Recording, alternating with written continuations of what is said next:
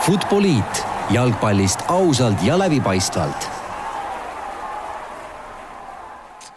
No nii, tervitused taas äh, Futboliidi kuulajatele, nagu välja lubatud sai, siis sel nädalal on meil koguni kaks saadet eetris ning kui teisipäeval oli meil külas Eesti koondise uus peatreener Karel Voolaid, siis seekord oleme siia stuudiosse nii umbes tunniks ajaks lukustanud, täiesti ilma naljata, vaatasin praegu, et see stuudio uks läheb täiesti lukku ise, Schnepperiga Eesti koondise endise abitreeneri ja ka Jalgpalliliidu praeguse tehnilise direktori Janno Kivisilla, tere Janno! Tervist! no ühtlasi tuleb siinkohal edastada väike vabandus eelmise saate heli kvaliteedi eest, mille osas mitmed äh, meie andunud kuulajad on äh, kirjutanud, äh, tähelepanekuid teinud, tuleb tunnistada, et meil siin veel võrdlemisi uue stuudiosse, uue sellise väga digitaalse helipuldiga tekivad mingisugused settingud vahel, mis lähevad natuke paigast ära ja ja natuke siin enne, enne salvestust näppisin asju ja, ja loodetavasti sel, sel korral siis selliseid muresid tekkida ei tohiks äh,. Väike niisugune peenhäälestus on tehtud, nii et saamegi saatega edasi minna ja Janno, no kuidas suvi möödunud on, et äh, võttes algpunktiks ehk just selle ühe esmaspäeva hilisõhtuse pressikonverentsi Jalgpalliliidus äh, siiamaani äh, oled saanud kuidagi aja maha võtta, puhata, mida teinud oled üldse? jah, et pärast seda paar nädalat veel oli sellist hästi pingsat ja, ja, ja töist aega, et, et saada, ütleme, mingid asjad justkui lukku ja, ja teisalt ikkagi ka noh, ütleme, mul oli plaan puhata ja, ja seda ma niimoodi vahelduva eduga teengi, ehk et kuigi päris sajaprotsendiliselt pole õnnestunud jalgpallist välja lülituda, siis siis äh, ikkagi praegusel hetkel ametlikult oleme puhkusel ja, ja, ja noh, ma teadsin seda, et kui ma puhkuselt tagasi tulen, et siis on see, ja see saab olema augusti alguses, et siis äh,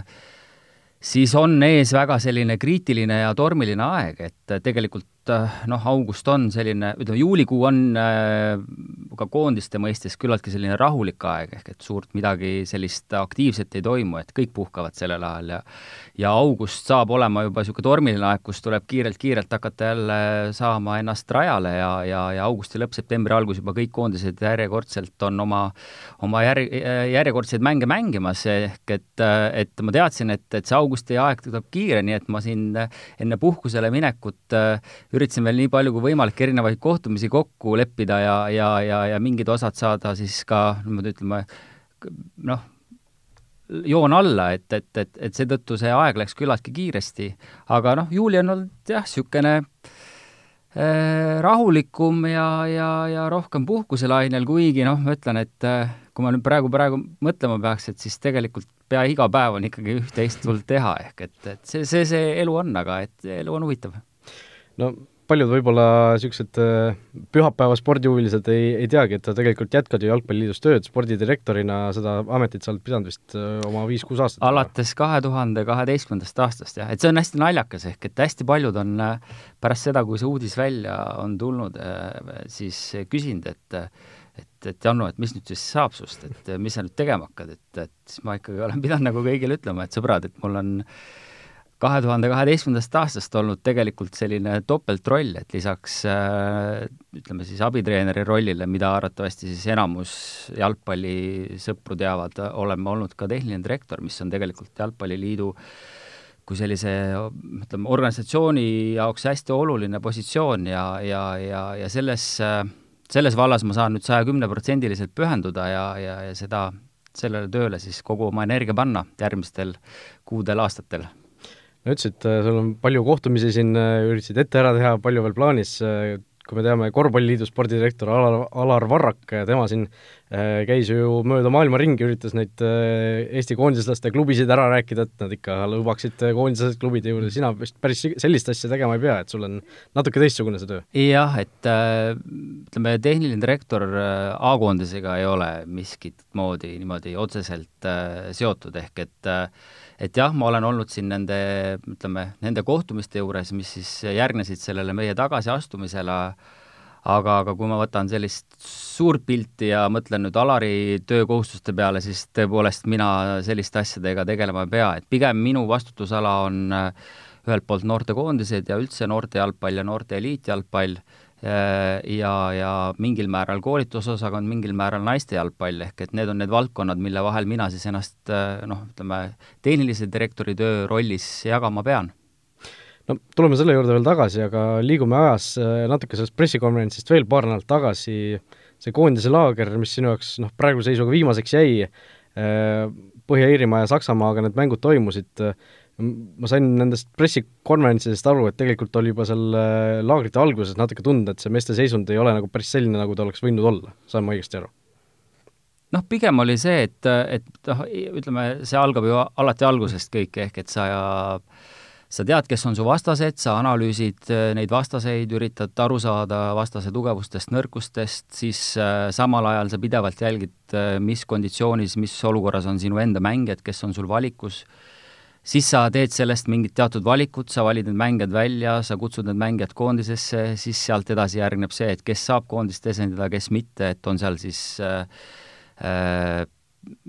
keegi vigastustega kimbus, kellelgi mingid perekondlikud väljakutsed äh, ja nii edasi ja nii edasi, ehk et, äh, et sa, sa tegelikult justkui nagu väga pikalt planeerid kogu seda tegevust ette, aga päris reaalsus hakkab jah, tavaliselt siis sellel koondise nädala esmaspäeval, et kui sul esimest korda koondis koos on ja ja, ja ma arv-, ja kui see esimene päev tavaliselt lähebki selliseks noh, ütleme justkui nagu selliseks update'iks, et mis siis see meie viimane seis on ja, ja väga paljud ikkagi veel ka sellel päeval sellist tõsist jalgpallitreeningut teha ei saa, sest et see on selline pigem taastav päev, siis teisipäevast alates kõik, mis oli planeeritud ja, ja, ja kuidas me uskusime, et meeskond peaks nagu võimalikult hästi suutma Põhja-Iirimaa mänguks ette valmistuda, siis äh, need treeningud ei tulnud jah, tõepoolest nagu väga hästi välja, ehk et tuli päris palju teha seal selliseid koha, tuli kohandada, tuli, tuli ütleme siis äh, mingis mõttes nagu justkui harjuda selle uue, või mitte harjuda, aga ütleme siis kohaneda selle uue reaalsusega, mis sellel hetkel meil oli ja, ja, ja, ja jah, seda on ka tegelikult äh, en-, eelnevalt välja öeldud, et, et kõik asjad ei õnnestunud ja läinud nii sujuvalt, kui me oleksime võib-olla eeldanud, arvanud või lootnud no nendest mängudest siin pikemalt ei hakka rääkima, eks kõik niikuinii teavad ja mäletavad, kuidas need läksid, aga aga ütleme, ajaratast jälle natuke edasi kerides, Saksamaa mäng oli lõppenud, sõitsite ilmselt järgmisel päeval vist äh, koju tagasi, eks ju, et kas siis juba oli see mõte peas või olite juba sellest treeneritega rääkinud siis, et et mis nüüd saab või see, või see kõik sündis ikkagi nagu, see, mis sai, sündis natuke hiljem? jah, see sündis hiljem, hiljem, sest äh, ma mäletan veel väga hästi, et äh, et kui, kui see mäng oli läbi, noh tavaliselt on niimoodi, eks ole, et äh, seda mängu äh, meie näeme pingi pealt, eks ole, et seal on, ütleme, igalühel meist on omad rollid, ülesanded ja me näeme seda oma, läbi oma silmade, eks ole äh,. Siis televaataja tavaliselt näeb seda läbi selle, mida siis äh, ERR pakub, eks ole, aga meie lisaks sellele, mida ERR pakub, oleme alati neid mänge filminud veel oma kaameraga, ehk et see on siis selline nagu meie selline skautimise telepilt, ehk kus siis nagu võimalikult palju sellest mängust on korraga ekraanil et, et meil selliseid korduseid ja lähikaadreid ei ole vaja, et meil on vaja aru saada, et mis nagu suures pildis toimib, mis ei toimi ja, ja, ja selleks on siis meil spetsiaalne kaamera ja spetsiaalse inimesega, kes see on siis äh, filmib. Mikko Pupart tavaliselt, kes kuskil staadioni katusel turnib kuskil jah, mitte Mikko Pupart, aga täpselt nii ta on, et ta on niisugusel heal optimaalsel kõrgusel ja, ja, ja see annab meile võimaluse näha seda suurt pilti, aga miks ma seda kõike räägin, on siis see, et tegelikult äh, tagasi lennates Frankfurdist Tallinnasse, siis äh, ma mäletan küll, et ma vaatasin seda mängu pilti uuesti läbi, ehk et siis näha nagu seda asja kõike suuremalt, et mitte sellelt kõrguselt või sellelt tasa, tasapinnalt, kus kohas sa ise seda mängu juba näinud olid, vaid et siis äh, suuremalt ja teise nurga alt. ehk et sellel hetkel sellel, sellisteid, selliseid mõtteid ei mõlgutanud, vaid pigem üritasid mõista, mis siis läks valesti ja ja, ja, ja, ja mis ei toiminud. aga, aga see asi jah, läks edasi pärast selliselt, et äh, et äh, oli üks koosolek siis nädala lõpul Jalgpalliliidus, kus kohas kogu treenerite tiim ja Jalgpalliliidu poolt siis Jalgpalliliidu president Aivar Pohlak ja Jalgpalliliidu juhatuse liige Tarmo Lehiste, kes A-koondise tegemiste eest juhatuses vastutab, et me kohtusime ja ja, ja seal nagu ütleme siis, tegime iseenda jaoks sellise noh, ütleme analüüsi, kus, kus me kõva häälega arutledes noh, üritasime jõuda siis selleni, et mis läks valesti äh,, äh, mis olid need põhjused ja, ja, ja kuidas edasi, ehk et, et, et see oli võib-olla see esimene koht, kus kohas oli see tunnetus, et et võib-olla see, see treenerite muut-, muutus või siis see meie teekond treeneritena võib otsa saada, ehk et, et see oli esimene kord, kui nagu sellest, et sellest hakati ka niimoodi kõvemal häälel rääkima. no sa ise nendel koosolekutel kas äh, oli natuke sellist tunnet ka, et sa istud nagu kahe tooli peal korraga, et äh, noh, sa ütlesid küll enne, et tehniline direktor nagu A-koondisega väga kokku ei puutu, aga aga mingil määral sa ju ikkagi olid äh, olid nagu mõlemalt poolt äh, selle asja juures? no vot, see ongi see, et jah, et tegelikult äh, ei, ma ei tundnud nii, et ma kahel toolil oleks, selles mõttes, et ikkagi sellel hetkel, kui ma seal olin, siis ma olin seal jalg, olin jalgpallikoondise abitreenerina ja ja, ja, ja, ja üritasin nii nagu ka teised treenerite tiimi liikmed nagu ikkagi noh, sellist ütleme, analüüsides või, või, või järgi mõeldes nagu leida, et mis siis juhtus ja ja, ja, ja miks need asjad selliselt läksid, et me sellise tulemusega Saksamaalt tagasi tulime. Ja, ja, ja, ja ikkagi noh, sellel hetkel oli ju, ütleme, treenerite tiimil oli vaja arusaamist ja, ja, ja mõistmist, et kas siit on võimalik edasi minna või mitte, et, et et ma arvan, et nii Aivar kui Tarmo olid sellel hetkel ikkagi väga nagu toetavas rollis, ehk et noh, nemad tahtsid aru saada, mis konditsioonis on treenerite tiim, millised järeldused on sellest tehtud ja, ja kuidas nähakse, et edasi on võimalik minna et sina ühesõnaga esimest korda tundsid seda või noh, said aru sellest, et see asi võib niimoodi minna seal, sellel koosolekul? jah, noh, ütleme see tunnetus sellel hetkel oli selline, et, et noh, et ikkagi ühel osal äh, treenerite tiimist on ka väga keeruline siin edasi minna ja siis äh, siis see asi sealt edasi ka selliselt rullus, et et lõpuks see lõpptulem siis äh, kõva häälega mõni päev hiljem välja öeldi. no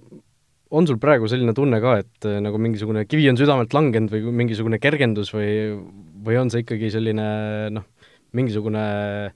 kahetsus, mingisugune selline kripeldama jäämine kuskil? tead, sellega on nii, need on nii erinevad tunded ehk, et ühelt poolt ma nagu olen mõelnud, et äh, jah, et äh, et nüüd ma saan tõesti nagu sa-, noh, nagu ma ennist ütlesin, saja kümne protsendiliselt pühenduda tehnilise direktori tööle, mida ma nagu mis mulle väga meeldib, see töö ja, ja mida ma väga armastan ja, ja, ja, ja ütleme, kus ma näen, et meil on väga suured väljakutsed ees ja ja, ja justkui täna seni kahes rollis olles ma noh, ütleme, ma pidin ikkagi väga palju sellest tehnilise te-, direktori tööst ka ära andma või, või, või teha ei saanud, sest et, et noh, ütleme, kes A-koondise juures on, see teab tegelikult, kui mahukas ja, ja, ja, ja palju energiat võttev, kulutav see, see amet on, et, et ühelt poolt nagu see, teiselt poolt ligi kakskümmend aastat ma selles rollis olen olnud, vahepeal muidugi käisin ära ka Kasahstanis ja Kasahstani koondise juures äh, sarnast tööd tegin, ehk et, et ma tegelikult A-koondise mänge ju niimoodi tribüünilt või telekast vaadanud polegi, et ega ma ei teagi, mis tunne see olema saab, kui nüüd esimest korda üle pika-pika aja see see hetk käes on, et, et eks võib-olla siis on nagu mingisugune võib-olla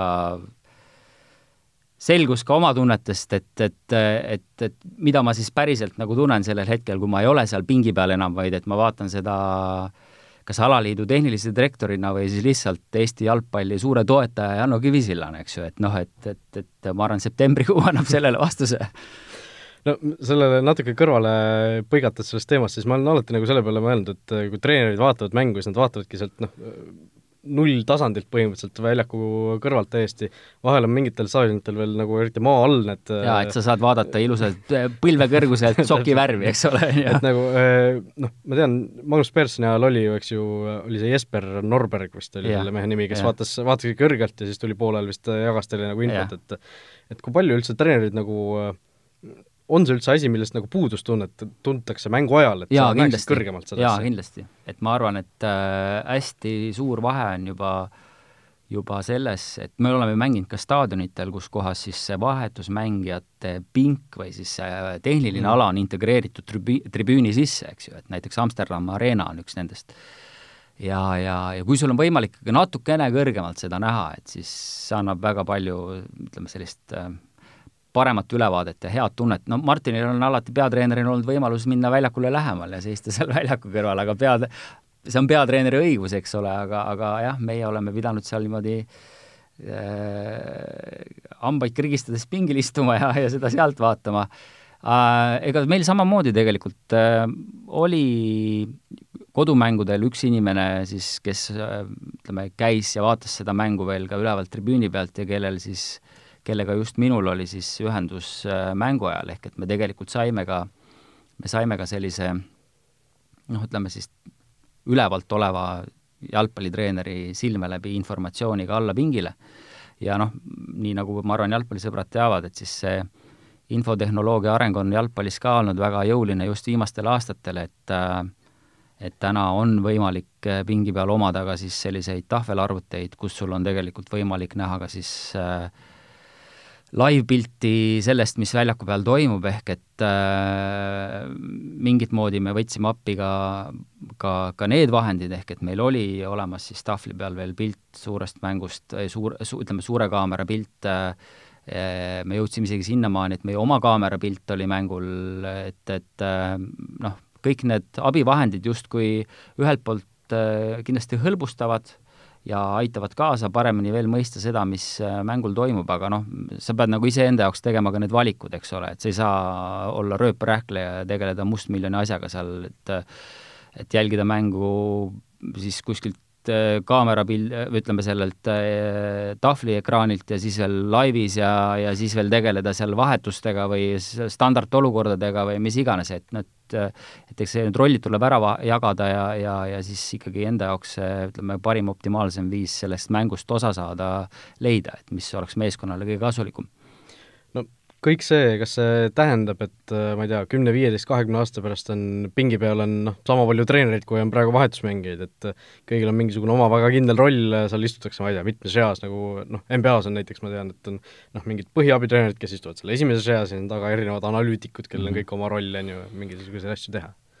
noh, ma ei tea nüüd, kas ta nüüd nii kaugele läheb, aga, aga suund eh, kindlasti sinna suunas ka jalgpallis on äh, minemas, et, et seda infotehnoloogiat tuuakse aina rohkem mängu sisse ja, ja praeguses mahus ma leian küll, et see on pigem mängule kasuks tulnud kui kahjuks, ehk et äh, ilmselgelt ka treeneritel on võimalik noh, ütleme veel paremat ülevaadet, veel paremat arusaama kogu selle mängus toimuvast saada just läbi, läbi nende abivahendite nii et eh, ma usun, et selline eh, performance analyzer'i töö ja, ja, ja kõik see noh, ka mängu ajal muutub aina olulisemaks, et noh, seetõttu ka ju uus peatreeneri kohusetäitja Karel Voolaid on endale sellise inimese spetsiaalselt äh, treenerite tiimi võtnud, et, et, et tal oleks ka see positsioon treenerite tiimis täidetud no liigume edasi selle spordidirektori rolli ja selle natuke üldisema jutu juurde, et äh, kuidas need kaks vahet, ametit siis nagu omavahel segama hakkasid, sa ütlesid, et äh, kui sa seal peatreeneris, sa mingis, mingil hetkel ei saanud nagu spordidirektor olla, et sa lihtsalt ajast jäi puudu, ma saan aru? jah, sul jääb ajast puudu ja noh, ma toon ühe väga lihtsa näite, et, et kui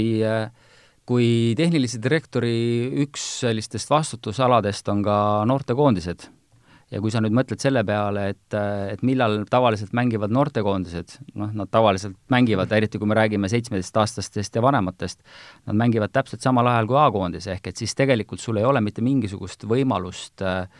peale selle, et sa pärast seda mängu vaatad selle ära kuskilt äh, lindistusest, sul ei ole tegelikult võimalik nagu selles protsessis mitte mingit moodi kaasa lüüa, et et kui sina ise oled sellel rahvusvahelise aknal nagu esmaspäevast kuni siis, ma ei tea, on see seitse päeva või üheksa päeva, olenevast selle, olenevalt sellest, millal sul need mängud on, oled hõivatud A-koondise tegemistega, siis tegelikult see, mis toimub noortekoondistes, et milline on olnud treeningtöö, ütleme, kõik need väljakutsed, mida siis ennem neid mänge äh, ületada noortekoondistel tuleb, kuidas siis see päris mängus nagu toimuma saab, ehk et äh, sa ei saa sellest osa, ehk et noh, ütleme, pärast seda, kui noh, hea näide, et nii nagu sulle Karel siin mõni päev tagasi ütles, et tema käis U seitseteist Balti turniiri mängu vaatamas, noh samuti mina tehnilise direktorina tegin seda, ehk et see oli mul võimalus minna ja laivis näha mänge ja, ja poisse, ehk et tegelikult ju telepilt on üks või kui sul oma ütleme siis performance analyzer seda, seda mängu filmib, aga teine on minna koha peale ja näha seda suurt pilti kõiki neid äh, noh, ütleme, kõike ka seda, mis taustal toimub, ehk et noh, kuni sinnamaani välja, et millal keegi läheb sooja tegema, mis meelestatusega tehakse sooja ja nii edasi, et need on need asjad, mida sa pingi peal mitte kunagi ei näe, eks ole, et või vabandust, seal teleka taga ei näe, eks ju, või, või kaamera taga, sest ma, kaamera keskendub mängule ja sellele, mis toimub vahetust, vahetult seal väljaku peal, aga aga tehnilise direktorina, kui sa lähed mänge vaatama, siis sa, noh, sa pead nagu zoom ima sellest kõigest ka välja, et üks on muidugi oluline see, et milline on mängupilt ja kes on need mängijad, kes kes siis teatud taktikas ühte või teist rolli äh, kannavad, aga sa pead nägema ka seda suurt pilti, on ju, et millised rollid on ühel või teisel staffi liikmel, kes mis, kui kiiresti millegile reageerib, on ju, ja nii edasi, et et kogu seda dünaamikat äh, näha ja sellest aru saada, selleks sa pead olema seal kohapeal. ja noh, ideaalses maailmas sa pead seda kõike nägema ka ennem treeningutel et see kindlasti aitaks nagu väga palju kaasa. ja see osa, noh, see on üks osa lihtsalt, mis minul jäi kõik puudu, ehk et mul ei olnud võimalik seda teha. ja pigem sa tahtsidki siis olla spordidirektor kui abitreener või, või kuidas see nii-öelda jõudude vahekord äh, sinu jaoks peas on? Noh, nad on minu jaoks olnud seni nagu alati mõlemad nagu hästi olulised, et äh, aga, aga, aga äh, võib-olla viimasel ajal, noh, ma olin ise sellega kõva häälega ju tegelikult Martinile välja öelnud, et Martin on minu viimane peatreener, et, et ma ei soovi enam minna uuele ringile, et ükskõik, mis siis ka saab, ehk et, et ma nagu nägin seda, et et kui me tahame ka Eesti jalgpallis noh, ütleme, veel teha sammu edasi või et, sest tehnilise direktori roll on nagu oluline seal, et siis noh, ma pean nagu suutma pühenduda ainult ühele asjale, keskenduma ühele asjale. Ja, ja, ja, ja ma olin enda jaoks nagu selle valiku teinud, et, et, et kui see Martini aeg saab läbi, et siis tehnilise direktori roll on see, mida ma hakkan nagu saja kümneprotsendiliselt äh, kogu oma energia ja fookusega tegema, et, et, et sest ma näen, et siin on noh, nii palju sellist, ütleme, meil on äh, korraliku ana-, meil on vaja kohe üks korralik analüüs ja, ja, ja siis hakata samm-sammult seda, seda kogu, kogu seda noortekoondiste poolt ja, ja, ja, ja ka suuremalt nagu uuesti võib-olla restartima või, või selle peale vähemalt mõtlema. Karel, kui äh, sai teada, et määrati peatreeneriks, siis ei tulnud sinu juurde uksele koputama, et kuule, Janno, et äkki ikka ei, me olime selle, need, ei, seda teemat üldse ei tulnudki nagu jutuks, sest et äh, me, no mina olin kohe välja, ma ütlesin sellega kohe välja ja, ja, ja see tuli ka igalt poolt välja, et, et, et äh, et seal uut ringi enam ei tule, nii et, et seda, seda ei tulnud ka päevakorda, seda teemat. Aga ütleme, tulevikus äh, sa, ma saan aru, et ei välista seda abitreeneriks uuesti naasmist või mingisugust muud treeneri posti, et, et kui sa, ütleme, spordidirektoriks mingil hetkel enam ei ole näiteks mm, -hmm et äh, või, või äh, on sul nii villand sellest äh, selle kahekümne aastaga saanud? ei, ei kindlasti mitte, et see ongi, et ära iial ütle iial ja, ja lihtsalt ma tänasel päeval tunnen seda, et, et ma näen nagu neid väljakutseid ja, ja ma ootan nende väljakutsete sellist nagu, ma ootangi neid väljakutseid, ma tahangi, ma tahangi nüüd nagu siis pea ees minna sellesse maailma ja, ja tõesti nagu vaadata, et kui palju on minul oskusi, võimeid, energiat nagu äh, selles vallas siis äh, jalgpalli aidata, et, et, et ma täna kindlasti nagu näen, et siin lähikuudel, aastatel nagu ikkagi ma tahan oma fookuse panna sinna, et sest see on, noh, ütleme, oleme ausad, see on, see on rohkem kui täiskohaga töö ja ka tehnilise direktori töö, et noh äh, no väga selline üldise sõnastusega küsimus, et äh, mis seisus Eesti jalgpall üldse on, mis, mis on need põhikitsaskohad praegu üldse noh, selles töös ka, mida sinul nüüd teha tuleb äh, või noh, mida sa juba no, teed, on ju? jah, et noh, ütleme üks väga lihtsasti ära defineeritav äh, selline noh, olu-, kus olukorras me oleme, ongi see, et kui me räägime täna nagu kvantiteedist, ehk sellest, et kui populaarne on jalgpall või et kui palju on jalgpalli juures harrastajaid ja, ja, ja just noorte jalgpallis harrastajaid, et siis ma arvan, et me võime olla väga ütleme, ühelt poolt uhked ja rahu, rahulolevad, et, et me oleme kõige populaarsem sportmäng täna ja, ja jalgpalli armastatakse olenemata vanusest ja ja nii poisid kui tüdrukud, eks. Aga, aga kus me peame nagu väga kriitiliselt vaatama ikkagi praegusel hetkel, just kriitilise pilguga oma asjad üle, on just see kvaliteedi pool. et, et et just selle, et milline meil täna on treeningute hulk, milline on meil treeningute kvaliteet ja sisu, äh, kas meil hakkab toimu-, et kas meil on ikkagi piisavalt toimunud see spetsialiseerumine siis äh, noh, erinevatele vanusegruppidele või, või teevad kõik ikka kõike äh, noh, tehes seda nii hästi, kui osatakse, aga noh, me teame jaa, täpselt, ehk et ma räägin siin konkreetselt spetsialiseerumisest, ehk et noh, sa ju, ma arvan, et iga jalgpallisõber saab aru, et et, et selleks, et oleks, tõuseks kvaliteet, selleks peab ühel hetkel toimuma ka treenerite seas spetsialiseerumine, et spetsialiseerumine just konkreetselt sellele, et mingites vanusegrühmades on ju oluline arendada teatuid ütleme siis noh, mängulisi elemente või, või füüsilist võimekust, eks ole, et et on mingi, ütleme, mängijatel ealised iseärasused, eks ju, et, et on kindlad ajaperioodid, kus mingisugust võimekust tuleb arendada või sellele rohkem tähelepanu pöörata ja ja, ja selleks ma usun, et me peame nagu ühel hetkel veel rohkem ja rohkem suutma ka jalgpallis spetsialiseeruda, et et täna nagu liiga palju ikkagi tundub seda, et et üritame teha kõik nii hästi, kui oskame ja nii palju kui võimalik, aga, aga, aga ütleme, kui me räägime kvaliteedist, siis kindlasti kvaliteet selle, sellistel juhtudel nagu kannatab ja kannatab väga palju on meil üldse piisavalt palju treenereid, et me saaks sellist asja teha või, või noh, seda saab sellesama hulga treeneritega kuidagi lihtsalt äh, nagu teistmoodi ära jagada, seda spetsialiseerumist? Noh, kindlasti on äh, noh, ma arvan, et minimaalne hulk treenereid meil tänasel päeval on olemas, aga kui me tahame äh,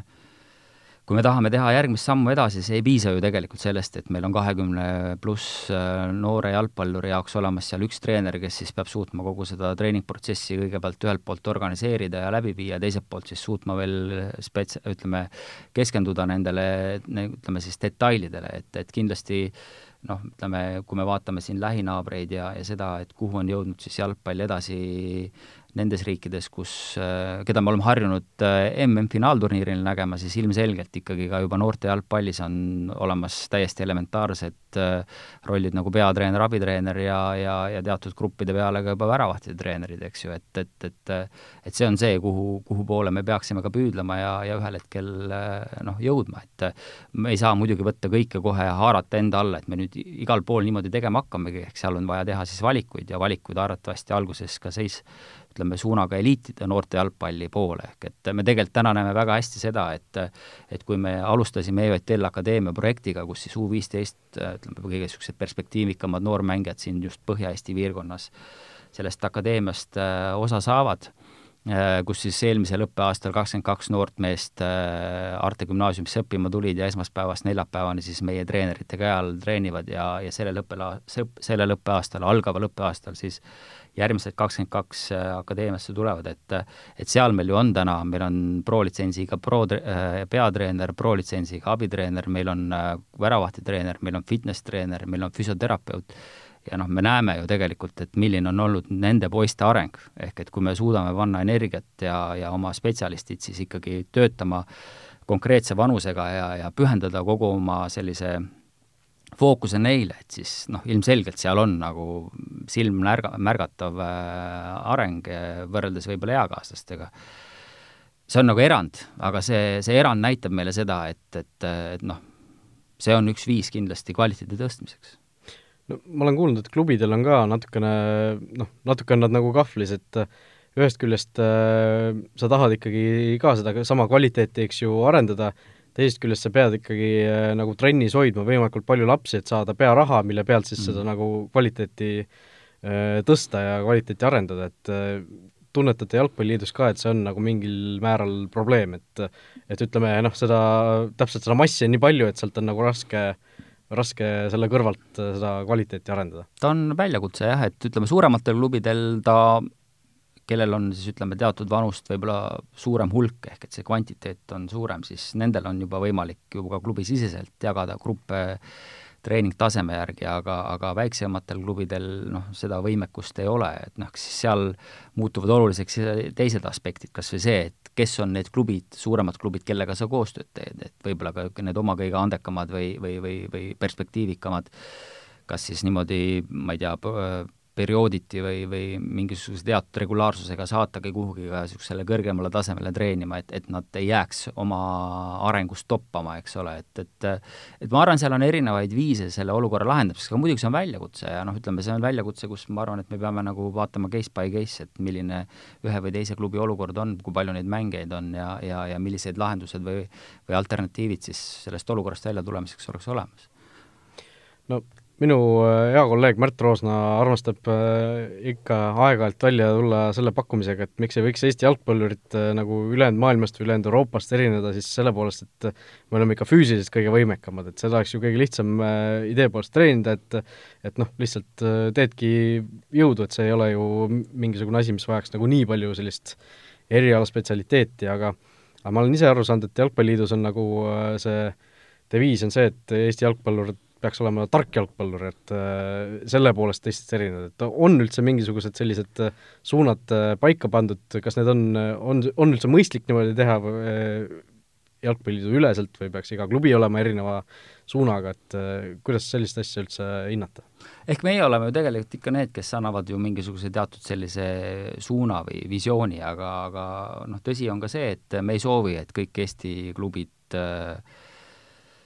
treeniksid ja arendaksid siis äh, noh, sarnaseid mängijaid ja mängiks sarnast stiili, ehk et me seni oleme nagu seda meelt olnud, et, et klubidel peab olema võimalus nagu leida siis oma selline nägemus või visioon, et kuidas nad soovivad treenida, mängida ja, ja, ja millised on need väärtused, mida siis need mängijad endaga kaasas kannavad, kui nad nende klubist äh, üles sirguvad. ehk et justkui ühe, ütleme teiselt poolt me soovime ikkagi, et, et igal klubil säiliks oma nägu, aga aga kui ma tulen selle füüsilise võimekuse jutu juurde tagasi, et no ei, ma olen selles mõttes ka nagu päri, et kindlasti see on üks valdkond, kus kohas äh, äh, võib ja saab ja peab ka sellele keskenduma, et äh, ja, ja, ja, ja mitte ainult nagu noortekoondiste või koondiste tasemel, sest et noh, kui sa eelmise, ütleme, kui eelmises saates Karel rääkis, et ta väga äh, kõrgelt hindab Ott Meeritsat kui siis ütleme siis kehalise ettevalmistuse treenerit, et siis tegelikult kehalise ettevalmistuse treenerid täna on meil noortekoondiste juures ja, ja lausa täna oleme me olukorras, kus me näiteks U viisteist koondises, kus käib läbi siis ütleme, see on see meie esimene valik, meie esimene valik, kus kohas siis ütleme, aastas käib läbi selline noh, see on, ajas on selline kõikuv number, aga ma julgen öelda selline circa kaheksakümmend mängijat pluss, kus kohas, ütleme, kes saavad siis selle esimese kogemuse noortekoondises esindada, meil täna on spetsiaalselt olemas seal äh, kehalise ettevalmistuse treener, kes pühendub ja tegelebki ainult selle koondise poistega ja mitte siis ainult selliselt, et me testime neid ära ja siis anname neile treeningkava ja poisid, tegelege, vaid et, et see inimene käib ja kohtub ka klubide siis treeneritega ja, ja, ja personalidega, et kuidas äh, oleks võimalik siis neid äh, samu harjutusi integreerida nendel oma treeningprotsessi, ehk et me läbi selle nagu samm-sammult üritame ka seda poolt siis võib-olla järgi aidata või veel professionaalsemaks ja kvaliteetsemaks muuta. aga äh, ja, ja kui me võtame üldse kogu selle noorteosakonna ja U-koondiste osakonna kokku, et siis meil täna on uh-uh, kas kak-, kaks sajaprotsendiliselt ainult keha, sada protsenti siis ütleme, ongi kehalise ettevalmistuse treenerit, et kelle, kes katavad ära siis nagu, kelle igapäevatöö ongi olla kehalise ettevalmistuse treener noortekoondiste juures. et kui sa mõtled mõni aasta tagasi, siis noh, me oleme täna päris korralikult edasi läinud, et ei olnud midagi, ühel hetkel oli meil üks, nüüd on sellest saanud kaks, pluss meil on akadeemial oma kehalise ettevalmistuse treener, see on kolmas inimene, kes äh, küll lisaks teeb ka naiste A-koondist, et noh, ütleme väikse organisatsiooni võlud ja valud on need, et sul tuleb neid rolle jagada, eks ju, ja ja, ja, ja me oleme selle olukorra selliselt lahendanud, ehk et et ma ei saaks öelda, et me mitte midagi ei tee, me teeme ja me, me aina rohkem ka tuleb ülikooli taustaga inimesi, kes on spetsialiseerunud sellele ja, ja, ja ja keda meil on võimalik siis tõesti nagu ütleme, selliselt eriala spetsiifiliselt enda valdkonnas tööle rakendada, aga kindlasti noh, siin on tööd nii noh, mustmaa ilm, et, et et see tööpõld nagu otsa ei saa niipea aga see targa jalgpalluri äh, filosoofia, see, see nagu kehtib veel või? Äh? jaa, ikka, ehk et nagu selles mõttes me peame oluliseks seda, noh, kui sa mõtled nüüd jalgpalli kui selle mängu peale, ehk et kui palju on tegelikult treeneril võimalus mängus ja mängu käigus nagu mängu kulgu mõjutada, et noh, see tegelikult on ju tipptasemel noh, väga selline marginaalne, ehk et et hakates pihta sellest, et et keegi ei kuule, mida sa seal pingi peal karjud ja, ja, ja mängijateni üritad viia, sest et noh, kui me räägime suurest jalgpallist, siis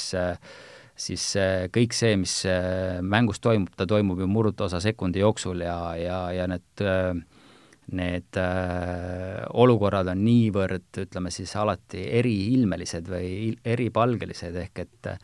et sul ei ole võimalik äh, olla selline PlayStation treener, kes lihtsalt ütleb kõik need käigud ette, et, et sina ole ainult mees ja tee seda, mida ma sulle treenerina pingi peal ütlen, et et äh, noh, see ei ole reaalne, see ei ole võimalik ja see ei ole ka, ma arvan, mõistlik, et, et äh, meie ülesanne, meie eesmärk on arendada treenereid või vabandust, mängijaid, kes on suutelised oma peaga väljaku peal mõtlema ja, ja ise neid otsuseid vastu võtma ja no muidugi see on hästi selline äh, keeruline asi, keeruline ja keeruline jaa, mida mõõta ühelt poolt ka keeruline ja selline pikka aega nõudev protsess, on ju, et ja see hakkabki pihta treeningutel, ehk et, et kui palju me täna treeneritena, noorte treeneritena suudame tekitada mängijatele siis sellist keskkonda, kus kohas mängija on äh,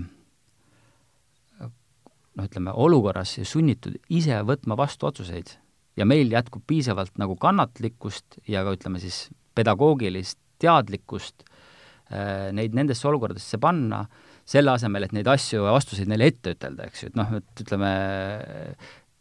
kindlasti on olukord täna noorte jalgpallis selline, kus kohas äh, ma näen, et liialt palju on ikkagi meil veel noorte jalgpallis selliseid treenereid, kes,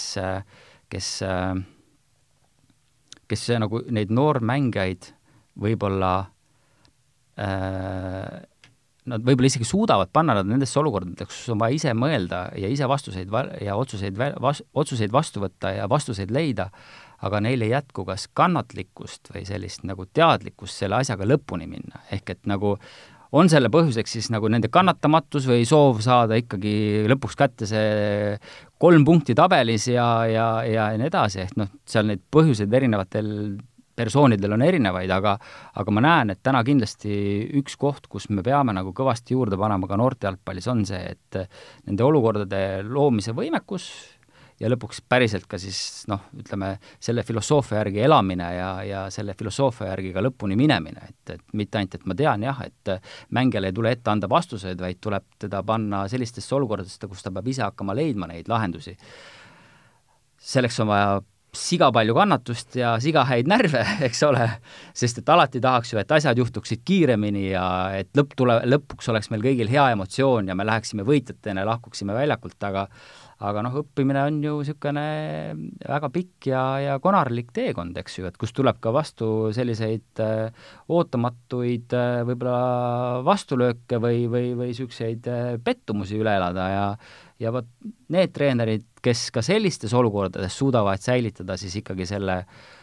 oma näo ja oma põhimõtted ja, ja lasevadki mängijatel äh, õppida vigadest mitte hakata neile ette näägutama, et näed, mida sa tegid valesti ja mida sa oleks pidanud selle asemel tegema, vaid et looma uuesti treeningutel need olukorrad, kus nad ikkagi leiavad ise need õiged lahendused, siis noh, ma arvan, et nendest treeneritest meil on, neid treenereid on meil aina rohkem ja rohkem vaja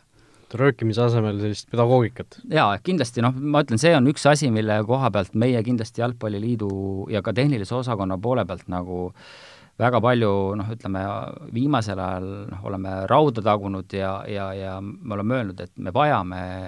haritud treenereid. et me vajame treenereid, kellel on pedagoogilised teadmised, me vajame treenereid, kellel on teadmine inimese füsioloogiast, anatoomiast, et me vajame selliseid treenereid. sest et noh, ütleme, inimene oma olemuselt on ju väga kompleksne, eks ju, et ja, ja, ja, ja, ja et ütleme, see maksimum või parim välja saada, noh, me peame looma selleks ju eeldused ja üks oluline eeldus on teadmised ja teadlikkus. No üks asi, mis veel äh, välja toodi, noh need niisugused suured kaotused alati toovad nagu äh, kogu jalgpalli ka Eesti ühiskonnas äh, nii-öelda luubi all, et et mis siis, mis siis seal valesti on, et üks asi, mis läbi käis, on, et niisugused kümme, üksteist, kaksteist, kolmteist aasta vanused lapsed, et mitu trenni neil nädalas on, kas nad teevad piisavalt palju, kas nad võiksid mm -hmm. rohkem teha, on ju, et et mitu tundi nädalas või mitu trenni nädalas sellise vanuse lapsed peaksid tegema, noh kui arvestame, et üks, üks niisugune mängupäev on ka veel seal ilmselt tavaliselt lisaks, on ju? no siin me jõuame jälle sinna, et äh, kus kohas on üleüldine jalgpallikultuur, et noh, ma arvan, et äh, üks asi on hulk jah, treeningute hulk, et mitu trenni nädalas teha. ma arvan ja usun, et kuigi seal on erinevus, siis see erinevus ei ole nii drastiline võib-olla nagu muu maailmaga. ehk jah, seal on erinevus olemas, kindlasti saab rohkem aga ma väidan, et täna nagu rohkem kriitilise pilguga me peame üle vaatama selle, et mida seal treeningutel tehakse. et mis see treeningute sisu on ja, ja mis kvaliteediga seda tehakse. ehk et äh, noh, ja, ja muidugi noh, peab nagu mõistma ka seda, et äh, et tegelikult ju noh, ütleme ka noorte jalgpallis, et see jalgpalliga tegelemine ju ei piirdu ainult trennis käimisega, eks ju, et noh, ütleme, kui vanasti oli tänavajalgpall, siis mis veel äh, tänapäeval on FIFA mängimine just. jah, et ütleme, et jah, võib, võib, võib ka nii olla jah, et ja tihti, pahatihti nii ongi, eks ole. Et siis, siis noh, tõesti, võib-olla täna seda tänavajalgpalli, noh, me ei saa võrrelda seda mõnekümne aasta taguse ajaga, kus kohas võib-olla treeningutel käidigi selline üks kolmandik ajast, aga kaks kolmandikku sellest kontakttundide arvust saadi siis tänavajalgpalli mängides. ehk et seetõttu, kuna meil seda tänavajalgpalli täna sellises mahus enam ei ole, sellega ei ole võimalik võib-olla nii palju tegeleda, siis jah, me peame ühelt poolt mõtlema treeningu hulga või selle mahu tõstmisele, aga, aga ma endiselt väidan, et nagu me veel kriitilisemalt peaksime üle vaatama selle, et mis on see content, sisu, millega me päriselt nagu tegeleme ühes või teises vanusegrupis, kui me noorte jalgpallist räägime.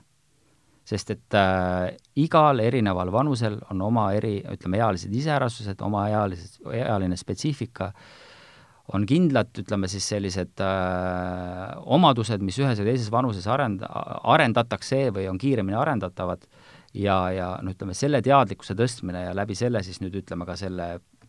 realiseerimine läbi treeningprotsessi ja ma arvan, et see on see koht, kus kohas me peaksime esmajärjekorras nagu oma fookuse panema.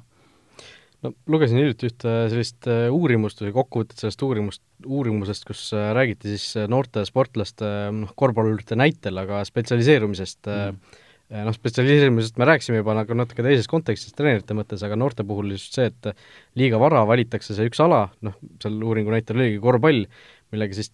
tegeletakse nii palju, et kui ta, kui see sportlane jõuab siis nagu täiskasvanu ikka või sinna, kus ta lähebki reaalselt kuskile profiks, siis tema keha on, on nii läbi sellest äh, ühetaolistest liigutustest ja sellistest ühekülgsetest asjadest, et et tekivadki kiiresti vigastused ja ja, ja mida kõike veel, et et kas Jalgpalliliit on kuidagi seda ka noh, täheldanud või, või kuidagi rõhutanud seda, et need lapsed võiksid ikkagi võimalikult palju erinevaid alasid mingi vanuseni noh, harrastada. jah, ja me oleme, ütleme noh, minu poeg alustas jalgpallitreeningutega, kui ta oli kuueaastane lasteaias, noh, ma käisin neid esimesi treeninguid vaatamas, ma võin sulle öelda ausalt, et nad olid kõike muud kui jalgpallitreeningud, sest et seal mängiti kulli ja, ja visati palli õhku ja plaksutati, ehk ühesõnaga tegeleti tegelikult üldse äh, lastele sellise sportimisharjumuse tekitamisega, ehk et lastel oleks tore, et see treening oleks mitmekülgne, ma ütlen, vahest olid treeningud, kus kohas võib-olla seda palli hoiti käes rohkem, kui seda löödi jalaga, sest et noh, oluline on selline harmooniline ja mitmekülgne noh, lapse areng, eks ju. Ehk et ja see on see, mida me oleme ka Jalgpalliliidus rõhunud, ehk et oluline on see, et, et ütleme, poisid-tüdrukud, kes jalgpalliga tegelema hakkaksid, kui nad hakkavad seda tegema nagu juba nii varakult, et siis siis see peab olema nagu mitmekülg, mitmekülgne ja eripalgeline ja selline lapsele huvi pakkuv, ehk et ja, ja ma usun, et kui te lähete täna vaatama selliseid kõige väiksemate laste treeninguid, siis noh, üleüldine tendents on see, et et siis tegelikult mängitakse seal äh, väga palju erinevaid selliseid äh, lastemänge seal alates kullidest kuni ma ei tea, mis, mis muude mängudeni välja, et, et see treening on tegelikult hästi mitmekülgne ja selline rõõmus ja ja, ja, ja em-, positiivseid emotsioone pakkuv. Äh, kui me räägime nüüd järgmistest vanustest, kus kohas noh, ütleme, noh, ühel hetkel muutub muidugi jalgpall nagu primaarsemaks, eks ole, ja, ja, ja selle jalgpalli osakaal ka treeningutel aina kasvab. aga, aga ma usun, et meil täna läbi selle teadmise, mida me treeneritele anname läbi koolitussüsteemi, noh, ma usun, et, et see, see, see rõhuasetus või siis see proportsionaalselt on nagu paigas, et kuskohast mis mahus see spetsialiseerumine hakkab, ehk mina ei ole nõus täna väitega, et jalgpallis peaks, on või on toimumas liiga varajane spetsialiseerumine, et ilmselgelt noh,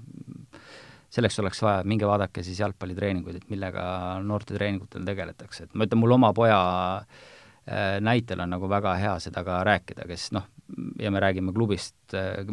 keda arvatavasti väga suur hulk üldse äh, võib-olla ei tea või on kuulnud, aga nad ei tea täpselt, et mis jalgpalliklubiga tegemist on, eks ju. no mis klubiga tegemist on? no Raplamaa Jott ka, eks ju, et noh, kus ta jalgpalliteekonda alustas, eks ju, et, et et seetõttu ma arvan küll, et, et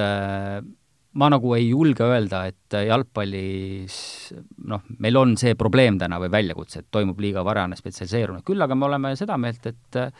tegelikult me toetame ja, ja, ja, ja hindame väga seda, kui tegeletakse ka teiste spordialadega, et noh, oleme siin ju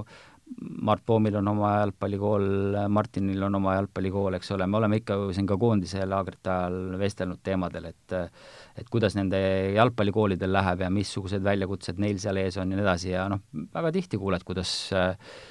poisid tegelevad samal ajal veel kas judoga või ujumisega või, või, või tennisega, mis on nagu noh, ütleme, tennis ja jalgpall lähevad väga hästi kokku, et seal selline koordinatsioon ja, ja, ja, ja, ja selline jalgade osavus ja, ja kõik see on nagu, need väga sarnased väljakutsed nagu selle, selle, selle noore inimese jaoks, et et tegeletakse ja seda ma usun, et ka väga paljud jalgpalliklubid toetavad, et ja ma loodan, et toetavad, et, et lapsed saaksid tegeleda mitmekülgselt erinevate spordialadega, et, et nad ei spetsialiseeruks liiga vara ühele äh,.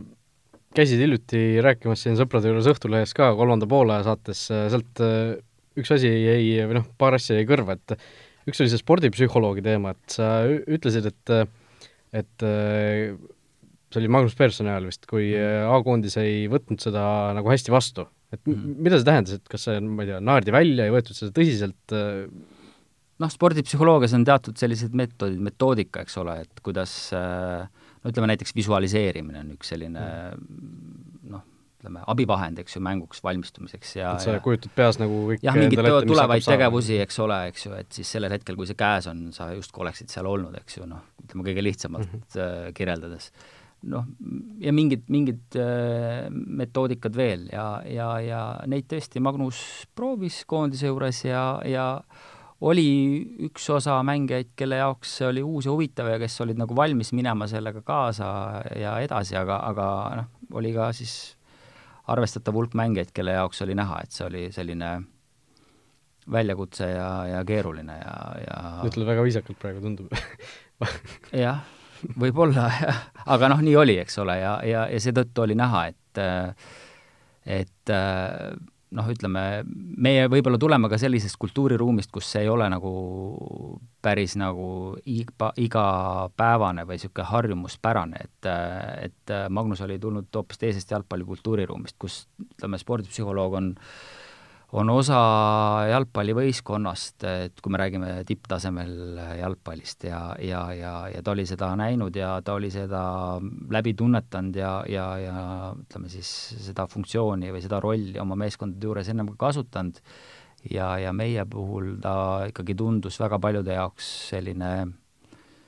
võõrkeha, ehk et ma, ma väidan nagu lihtsalt seda, et ma usun, et sajaprotsendiliselt ikkagi nagu seda potentsiaali ära ei realiseeritud ja ma ütlesin seda ka seal Õhtulehes, et ma, et kui küsim-, kui sa küsiksid, et millal me oleme nii kaugel, et meil see roll äh, võiks A-koondise juures täidetud olla, siis äh, lühidalt öeldes täna U17 juures selline roll on täidetud, ehk meil on spordipsühholoog seal äh, juba poolteist aastat, kaks aastat varsti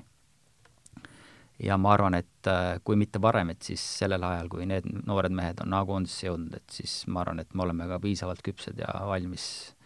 seda järgmist sammu tegema, mis minu arvates on äh, noh, ütleme,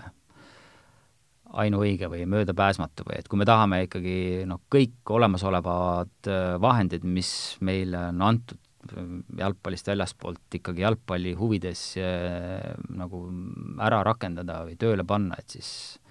siis äh, spordipsühholoog kindlasti üks sellistest rollidest on ja ma arvan, et noh, lihtsalt siin läheb natuke aega. et see, selleks peavad tulema nüüd äh, jõud maakondisse täpselt need, kes on harjunud siis ka päevast päeva sellise, sellise inimesega koostööd tegema üks asi, mis veel nagu kõrva jäi, oli see, rääkisite seal äh, sellest, kui eestlased siirduvad välismaale ja siis räägivad, kui, kui raske seal järsku on, eks ju mm, -hmm. et mhm. et noh, selline nagu lihtne küsimus ilmselt tekib tavainimesel, mis siis meil Eestis toimub, et kas me nagu üldse trenni ei tee või või kas, kas see raskus on nagu füüsiline raskus või see on just mingisugune mängutempo mm? -hmm. no ma arvan, et see on kom-, kom-, kompleks kõigest, ehk et noh, eks muidugi küsima peaks täpselt nende käest, kes selle oma nahal on üle elanud, eks ju, et et mina võin siin ainult rääkida sellest, mida ma olen Andres Ooperi või teiste tippmängijate suu läbi kuulnud, eks ju, et üks, ühelt poolt on treeningmahud, ehk et äh, ka tippjalgpalli asemel nagu treenitakse väga suurtes äh, mahtudes, ehk treeninguid on palju ja treeningud on pikad väga tihti. aga noh, miks meie seda ei tee, et no see ei ole ju niisugune asi, mida, mida me ei suudaks teha või, või mida me ei oskaks teha, vaid see mm noh, mahu suurendamine on ju selline asi, mida nagu saaks põhimõtteliselt teha. Nojah, aga seda on vaja teha järk-järgult ja, ja see võtab kõik aega, ehk et ma võin öelda, et ma, meil oli siin üks huvitav jutuajamine just ühe, ühe premium-liiga klubi treeneriga, kes kes ütleski, et noh, et nad on saanud aru sellest, et, et täna need erinevused on ja on nagu silmmärgatavad ja, ja mängijate jaoks nagu selliselt noh, ütleme siis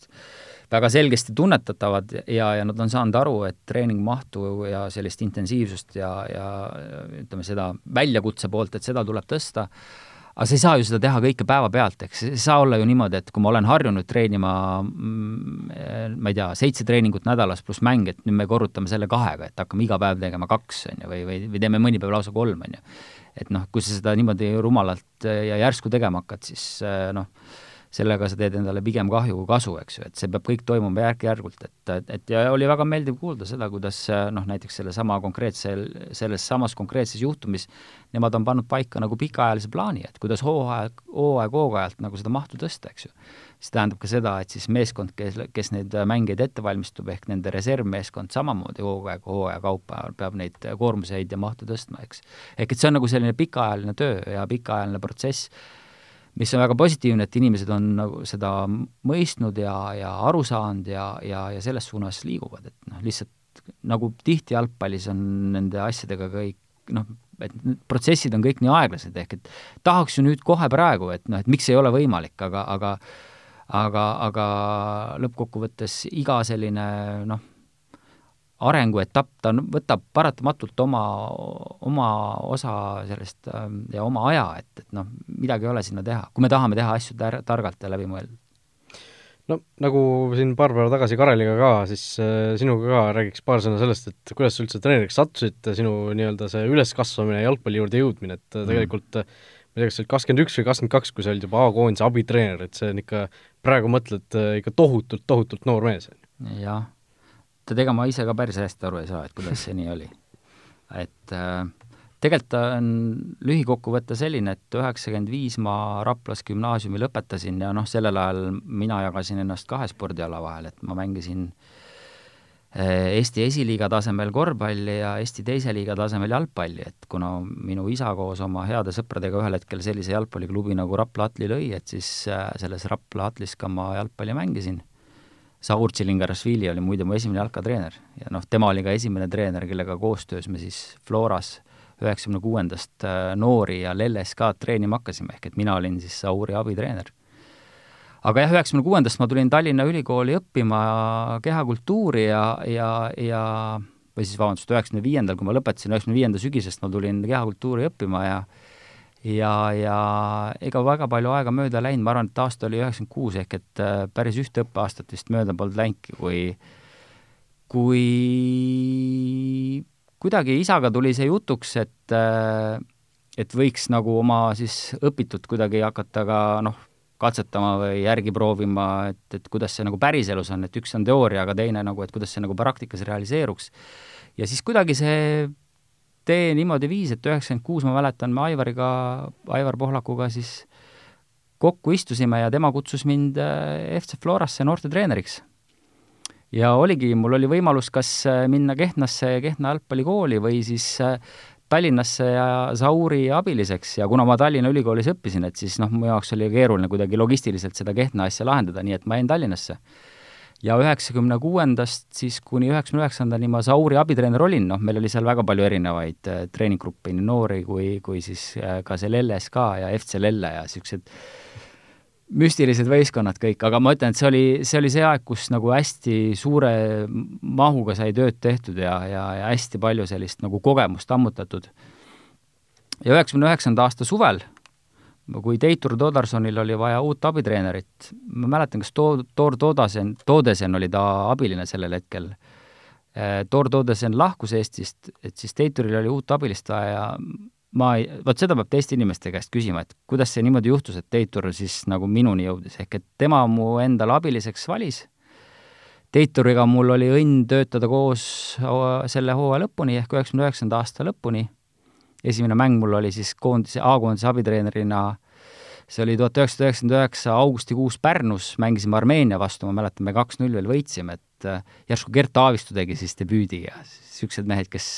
kes on ka ju väga palju mänge Eesti koondises mänginud ja niisuguseid erinevaid emotsioone pakkunud, eks.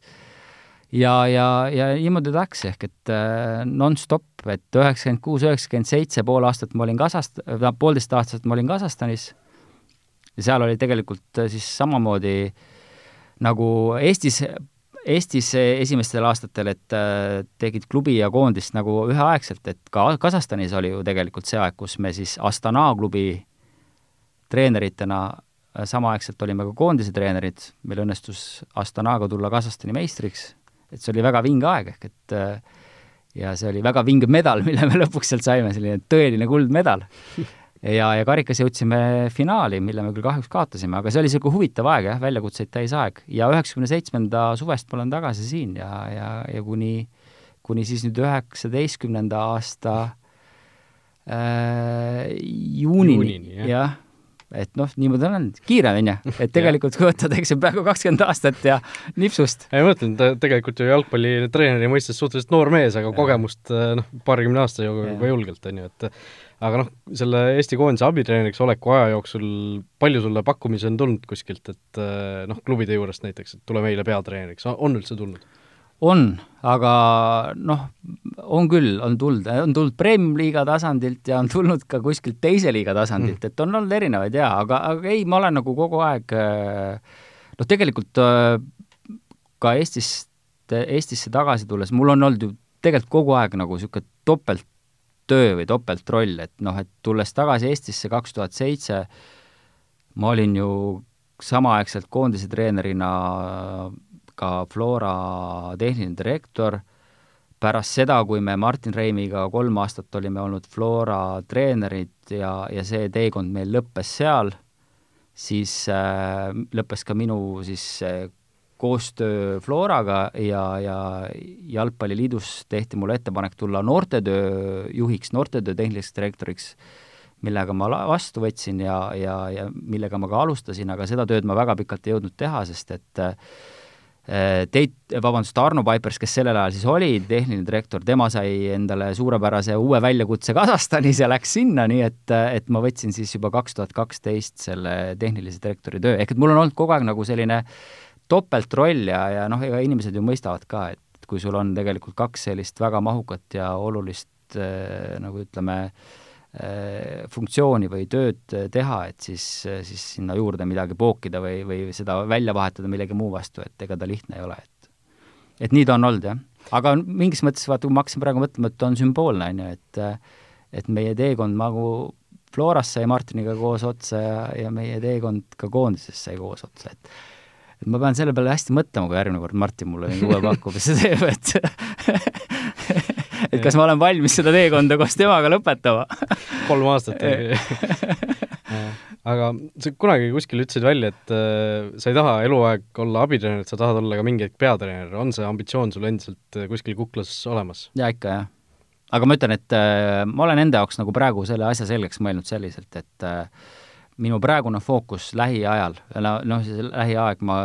ka vist nüüd ütlen kolmandat korda, on siis lähikuud ja aastad, ikkagi läheb tehnilise direktori tööle, ehk et äh, mul on täna suurepärane võimalus äh, koostööd teha ka siis nagu oma, oma ametikaaslastega teistest jalgpalliliitudest, et mind üle-eelmisel aastal see eelmine aasta, aeg läheb nii ruttu. no mul oli, mind valiti FIFA tehniliste direktorite ekspertgruppi ja, ja see on mulle andnud suurepärase võimaluse suhelda oma ala ekspertidega üle maailma ja noh, ütleme sellesama projekti raames ma olen ka käinud ise nüüd siis äh, nii Malaisias kui kui Jamaikal äh, teisi tehnilisi direktoreid äh, noh, niimoodi natukene võib-olla suunamas. suunamas jah, et, et ja, ja, ja mitte vähem tähtis ei ole ka neilt, ütleme sellist, nende kogemust äh, endale ammutamas või, või nende teadmisi endale ammutamas, ehk et see tavaliselt ikkagi käib nagu mõlemat pidi, et et, et see on olnud nagu selline hästi huvitav ja, ja, ja motiveeriv aeg ja noh, ma tunnen küll, et praegu ütleme, mida lähemale ka august tuleb, et seda rohkem sa tegelikult oled juba sellel lainel, et noh, et mis on need asjad, mida, mis järjekorras nüüd tegema peaks hakkama, et need, ütleme, et see ka-, et see karavan võimalikult kiiresti liikuma saada. vot, nii et äh, nii kaua oled tehniline direktor, kuni tunned, et ennast ammendad või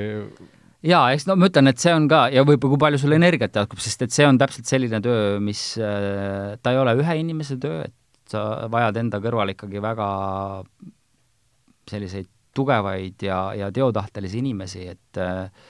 et äh, igal osakonnal meil on täna oma eriala ekspert, eks ju, ja, ja, ja, ja, ja nendega koos ja, ja, ja noortekoondise treeneritega koos ja peasekretäriga koos äh, ikkagi noh, seda sammu, järgmist sammu tegema hakata, et, et see saab olema üks hästi huvitav ja ma arvan, väljakutseid täis aeg. Vot nii, aitäh, Janno, et tulid, eks siis septembris näeme, kui palju seda koondise elu igatsema hakkad ja, ja kusjuures võib ka täitsa juhtuda see, et et äh, seda, ja seda ma ütlesin ka kõva häälega välja, et, et kuna noortekoondiste mängud on samaaegselt või treeninglaagrid on samaaegselt, et siis siis võib juhtuda, et mind ei ole ka iga kord seal tribüünil enam, et või, või igale mängule kaasa minemas, et et, et, et see ongi valikute küsimus, eks ju, et kuhu ma oma fookuse täna panen. Jah, et võib-olla mingi hetk hakkab see treeneri eh, kuskil mingisugune asi ka sisemusesse Kri uuesti kripeldama, on ju, et et igatahes, eks näeme ja aitäh veel kord, et tulid ja, ja meie siis Futboliidi kuulajatega kohtume juba uutes saadetes. tänan kutsumast! Futboliit jalgpallist ausalt ja läbipaistvalt